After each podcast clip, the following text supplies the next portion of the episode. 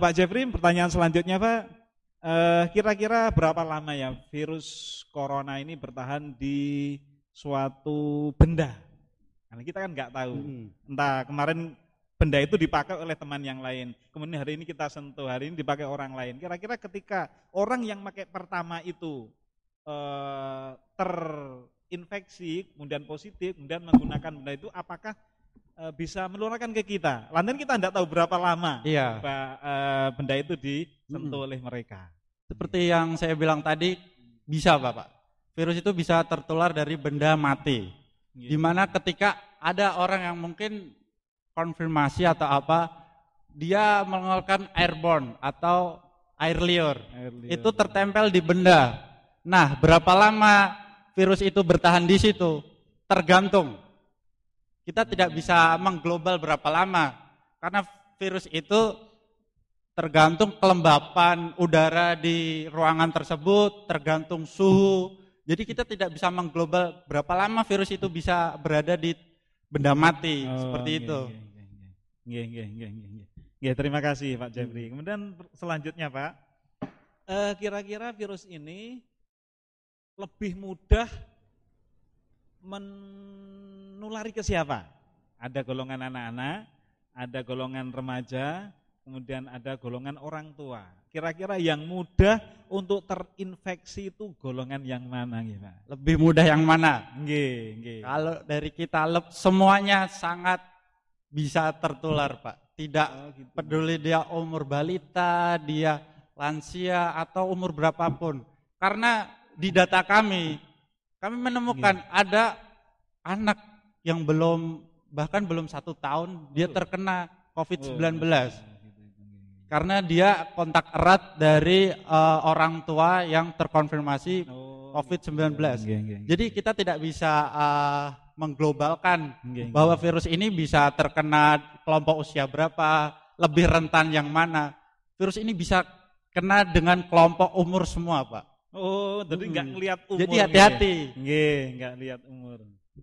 Jadi hati-hati para pemirsa semuanya, tidak hanya golongan tua, tidak, Tidak hanya orang-orang yang punya penyakit penyerta hmm. yang mudah terinfeksi oleh virus ini, maka semuanya bisa terkena, terkena. tanpa pandang bulu. Tanpa nah, pandang bulu. Nah, peduli tua muda, pokoknya nah, ketika dia masuk virus itu ya hmm. sudah pasti kena. Iya, yang yeah. lebih dibahayakan lagi kan banyak orang tanpa gejala. Yeah, nah, itu yang lebih berbahaya. Untuk usia adik-adik SMP baru Nawate ini, mungkin mereka banyak uh, kalau apabila mereka terkena masuk ke golongan OTG orang tanpa hmm. gejala karena imunitas mereka masih bagus.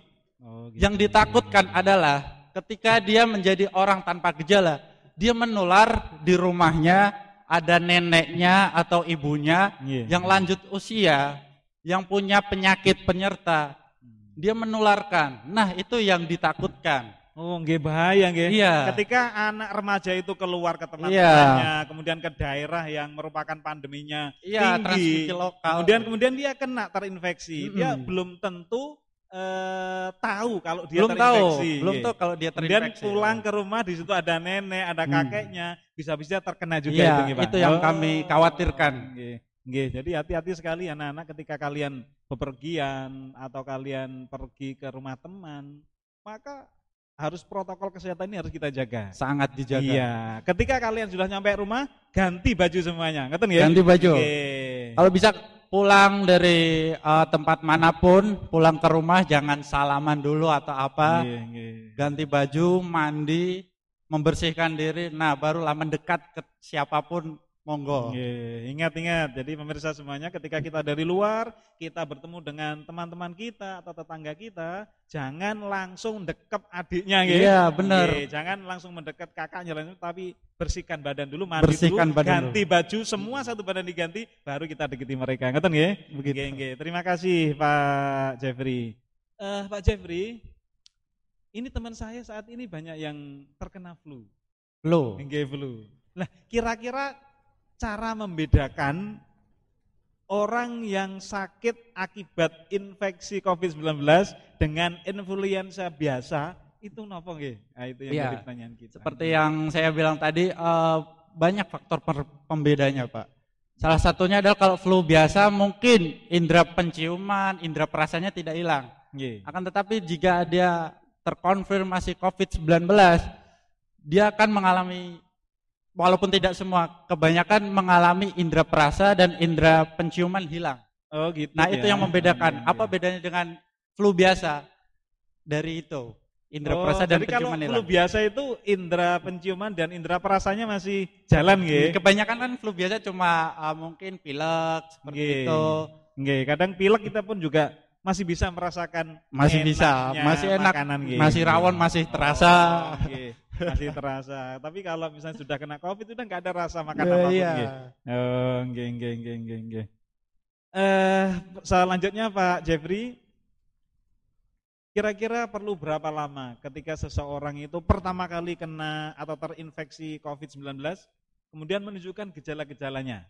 Uh, kita menyebutnya masa inkubasi, Pak. Oh, inkubasi, uh, masa Jadi inkubasi. virus ini bisa bertahan sampai 14 hari ke depan. Oh, gitu. Mm -hmm. okay, okay. Jadi mungkin hari pertama sampai minggu pertama kita tidak merasa apa pun. Yeah. Tapi di minggu berikutnya mungkin kita baru terasa badan kita tidak enak, penciuman kita tidak terasa, atau bahkan kita drop. Hmm, nah, kalau menurut kami harus segera ke layanan kesehatan terdekat. Karena oh, jangan sampai ketika orang badannya tidak enak itu dia sudah ke mana-kemana. Nah, ternyata dia terkonfirmasi COVID-19. Oh, Pastinya gitu. kan sudah menular ke mana-mana virus itu. Gitu, nge, bahaya sekali. Karena ini penyakit ini nggak kelihatan. Nggak kelihatan, virus ini nggak kelihatan. Nge, luar biasa. Nge, nge, nge, nge. Uh, selanjutnya Pak, kita ini kan sekarang uh, kegemaran ya semuanya lah belanja online nge. Belanja, belanja online. online. Entah itu berasal dari Bandung, Jakarta, yeah. kemudian dari Malang, Malang, dari Batu, bahkan dari Cina, dari Arab. Lah itu kan kita kadang beli lewat online. Mm -hmm. Nah, kira-kira amankah ketika kita mendapatkan paket, mendapatkan kiriman dari daerah-daerah yang pandeminya tinggi? Kira-kira. Uh, kalau saran dari kami ketika uh, kita melakukan online shop atau apa pun itu yang dikirim ke kita, bahkan jangan cuma online shop, kita biasanya melakukan pembelian di ojek online seperti yeah, itu. Yeah. Kita harus uh, yakin dulu bahwa barang itu clear tidak ada hmm. apa pun. Kita harus yeah. disinfeksi terlebih dahulu. Oh, gitu, gitu. Jadi kita tidak ya. tahu kan siapa masnya yang ngasih barang ke kita itu seperti apa beliau. Terus barang itu aman dari bakteri atau tidak. Nah, Jadi gitu, gitu. biar lebih safety, lebih aman, kita harus yakin bahwa barang itu sudah uh, bersih seperti nah, itu. Gitu, gitu. gitu. Jadi tidak hanya luarnya nggih Pak, tidak hanya luarnya yang disemprot yang mm -hmm. dibersihkan nggih, dalamnya juga ketika kita buka kemudian sekiranya kita semprot iya. disinfektan. Tapi ingat kalau balang elektronik ya jangan basah-basah iya, gitu jangan ya. basah. Eh, celupkan mm. disinfektan jerut itu ya udah hancur nanti gitu nggih Pak Jafri. Nggih nggih nggih nggih. Eh Pak kalau kita lihat sekarang ini kan anak-anak sudah bosan ya di rumah. Sudah bosan. Eh, bosan di rumah itu pengen keluar pengen rekreasi. Nah, kira-kira amankah saat ini kita bepergian keluar kota, Pak? Uh, kalau saran dari Satgas sendiri. Untuk saat ini mending kita uh, tetap tinggal di tempat kita sendiri karena kita tidak tahu tempat itu seperti apa. Seperti yang tadi kita bilang, yeah. salah satu faktor tertinggi penyebaran COVID-19 ini dikarenakan banyaknya orang berpergian ke luar kota. Kita tidak tahu bahwa tempat itu ternyata terdapat banyak transmisi lokal. Oh, di mana di gitu, tempat itu banyak orang yang terkonfirmasi COVID. Nah, dari situ kita bisa membawa virus itu yang dari luar malah ke dalam kota kita sendiri. Yeah, nah, yeah. kalau menurut kami uh, cari tempat-tempat refreshing yang aman lah jangan dulu keluar kota karena nah, sangat gitu. berbahaya untuk saat oh, ini. Geng, geng, geng. Jadi rupanya sekarang ini kita tidak tahu e, daerah mana yang banyak terkonfirmasi. hmm, ya, Nggih, otomatis kita lebih baik di rumah. Lebih Kalau perlu rumah. kita rekreasinya virtual gitu nggih. Rekreasi virtual di YouTube kan banyak, Pak. Nggih. Kita, kita searching lihat. aja Labuan Bajo. Nah, seakan-akan kita sudah di sana. iya, kita lihat kota Mesir. Kota Mesir ya. Kairo di Kairo. Nggih, saya kan bisa lihat nggih. Itu lebih aman daripada Aman, kita harus iya. eh, menuju ke sana. Mm-mm. Nggih. Pak, selanjutnya kita kan tidak tahu kadang kebenaran tentang berita Covid ini kan Mm-mm. kita nggak tahu kira-kira yang harus kita percaya dari sumber mana gitu, Pak. Kadang ada isu-isu yang nggak jelas ini dari ini dari ini tapi kenyataannya tidak jelas. Maka kira-kira di mana saya bisa mendapatkan eh, media informasi tentang Covid-19, Pak? Mm. Eh, dari pemerintah kota Surabaya sendiri mempunyai media-media melalui eh, platform seperti Instagram, YouTube, Twitter, itu banyak. Bahkan kita punya website lawan covid19.surabaya.co.id. Oh, Jadi kita websitenya mau melihat ini. seberapa banyak orang terkonfirmasi positif di kota Surabaya bisa dilihat di situ perkembangan apa saja yang sedang terjadi dalam masa pandemi ini di kota Surabaya kita bisa lihat di kita punya platform banyak pak Oh gitu, nggih Hmm. nggih. Bisa diakses mana Diakses. nggih. Oh nggih nggih, Hmm. bagus nggih. Terima kasih, Pak. Eh kira-kira cara kita mencegah supaya kita tidak tertular virus yang mematikan ini kira-kira bagaimana nih Pak Jeffrey? ya paling penting adalah kita eh, menjaga diri sendiri Nggih. kita harus tahu kita berada di mana kita sedang seperti apa badan kita sendiri ketika kita merasa eh, tidak enak badan eh, lebih baik kita berdiam diri di Oh rumah gitu ya, dari di rumah nggak usah Iya, dipaksakan jangan keluar dipaksakan gitu, nggih. Nggih, walaupun bekerja juga juga harus di rumah, Walaupun belajar bekerja. di rumah kalau memang badan kita dalam keadaan kurang fit atau lemah gitu. Iya, Oh, karena saya rasa sekarang sudah menjadi pemakluman. Ketika kita tidak enak badan, eh, pasti orang kantor atau orang yang di sekolah itu eh, mewajarkan. Malah dia menganjurkan untuk tetap berdiam diri di rumah. Oh, nggih, nggih, Karena nggih. eh, orang di sekitar kita juga safety untuk dirinya sendiri. Seperti Iya, iya. itu. Terus pemakaian masker yang benar Mm-mm. itu bagaimana Pak Jeffrey? Kita kan dianjurkan harus ke mana-mana pakai masker Mm-mm. supaya menjaga diri kita dari virus corona. Kira-kira pakai masker yang benar itu yang bagaimana? Pak? Mungkin bisa saya contohkan. Nggih, nggih. Eh, pemakaian masker yang benar adalah menutupi semua mulut dan hidung, di mana kita harus eh, menekan juga yang di atas hidung ini untuk juga tertutup. Oh, Jangan iya. eh, masker ini dipelorot, nah, kasarnya dipelorot. Iya. Karena ketika dipelorot, kuman yang berada di sini akan naik juga ke mulut dan hidung kita. Oh, jadi kalau misalnya masker kan diturunkan ke Iya. dagu itu juga nggak bagus Nggak Pak? bagus. Oh, nggak cocok itu juga Ya, sesuai jadi dengan ketika aturan. makan atau berada di restoran, lebih baik maskernya dicopot. Oh, Jangan gitu. dikebawahkan. Nggak diturunkan gitu Iya. nggih. Biasanya kalau saya lihat itu anak-anak eh, di atau bukan anak saja, anak-anak bahkan orang-orang Semua. semuanya ketika makan itu langsung dipelorot. Ya. Iya, Oh, jadi lebih baik dilepas, iya. ditaruh baru kita makan ngoten nggih. karena Oh. kuman yang di sini akan kita bawa ke atas. Oh, gitu digesek dari bawah langsung kita pindah ke atas. Oh, Iya. bahaya sekali. Nggih, nggih, nggih, nggih, nggih, nggih, Pak. Kemudian apa setiap hari, setiap di mana saja kita harus pakai masker, Pak? Eh, ketika kita berada di luar atau tidak di rumah kita sendiri, dis- bukan disaran diwajibkan untuk saat ini, karena Oh, saat ini lagi iya. masa pandemi, Pak. Kita Iya, nggak iya. tahu lah seperti apa di luar itu. Oh, Memakai masker. nggih. Jadi, Wajib memakai masker. wajib, wajib masker di mana saja berada, Di mana pun. kecuali di rumah sendiri. kecuali di rumah. Oh, nggih, nggih. Kecuali juga makan, minum, Kecuali nggih. makan minum. Nggih, ya. kalau minum pakai masker kan susah nih, Pak. Atau makan pakai masker. Eh, nggih, nggih.